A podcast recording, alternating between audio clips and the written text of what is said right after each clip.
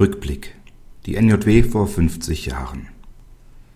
Vor 50 Jahren gab es noch Glossen in der NJW, die der Einfachheit halber in Kursivdruck gehalten waren und ihren Verfasser per Kürzel auswiesen.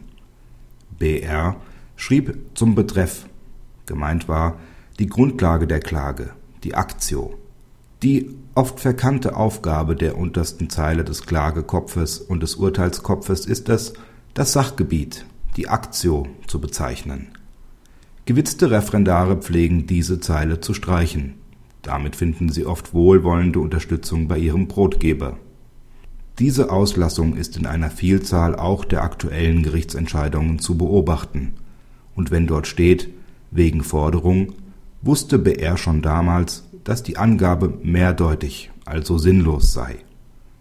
Wenn in der aktuellen NJW-Ausgabe, dort ist der Betreff, die Überschrift, im Redaktionsjargon die Headline, von Fogging die Rede ist, ist der Nichtfachmann zunächst ratlos.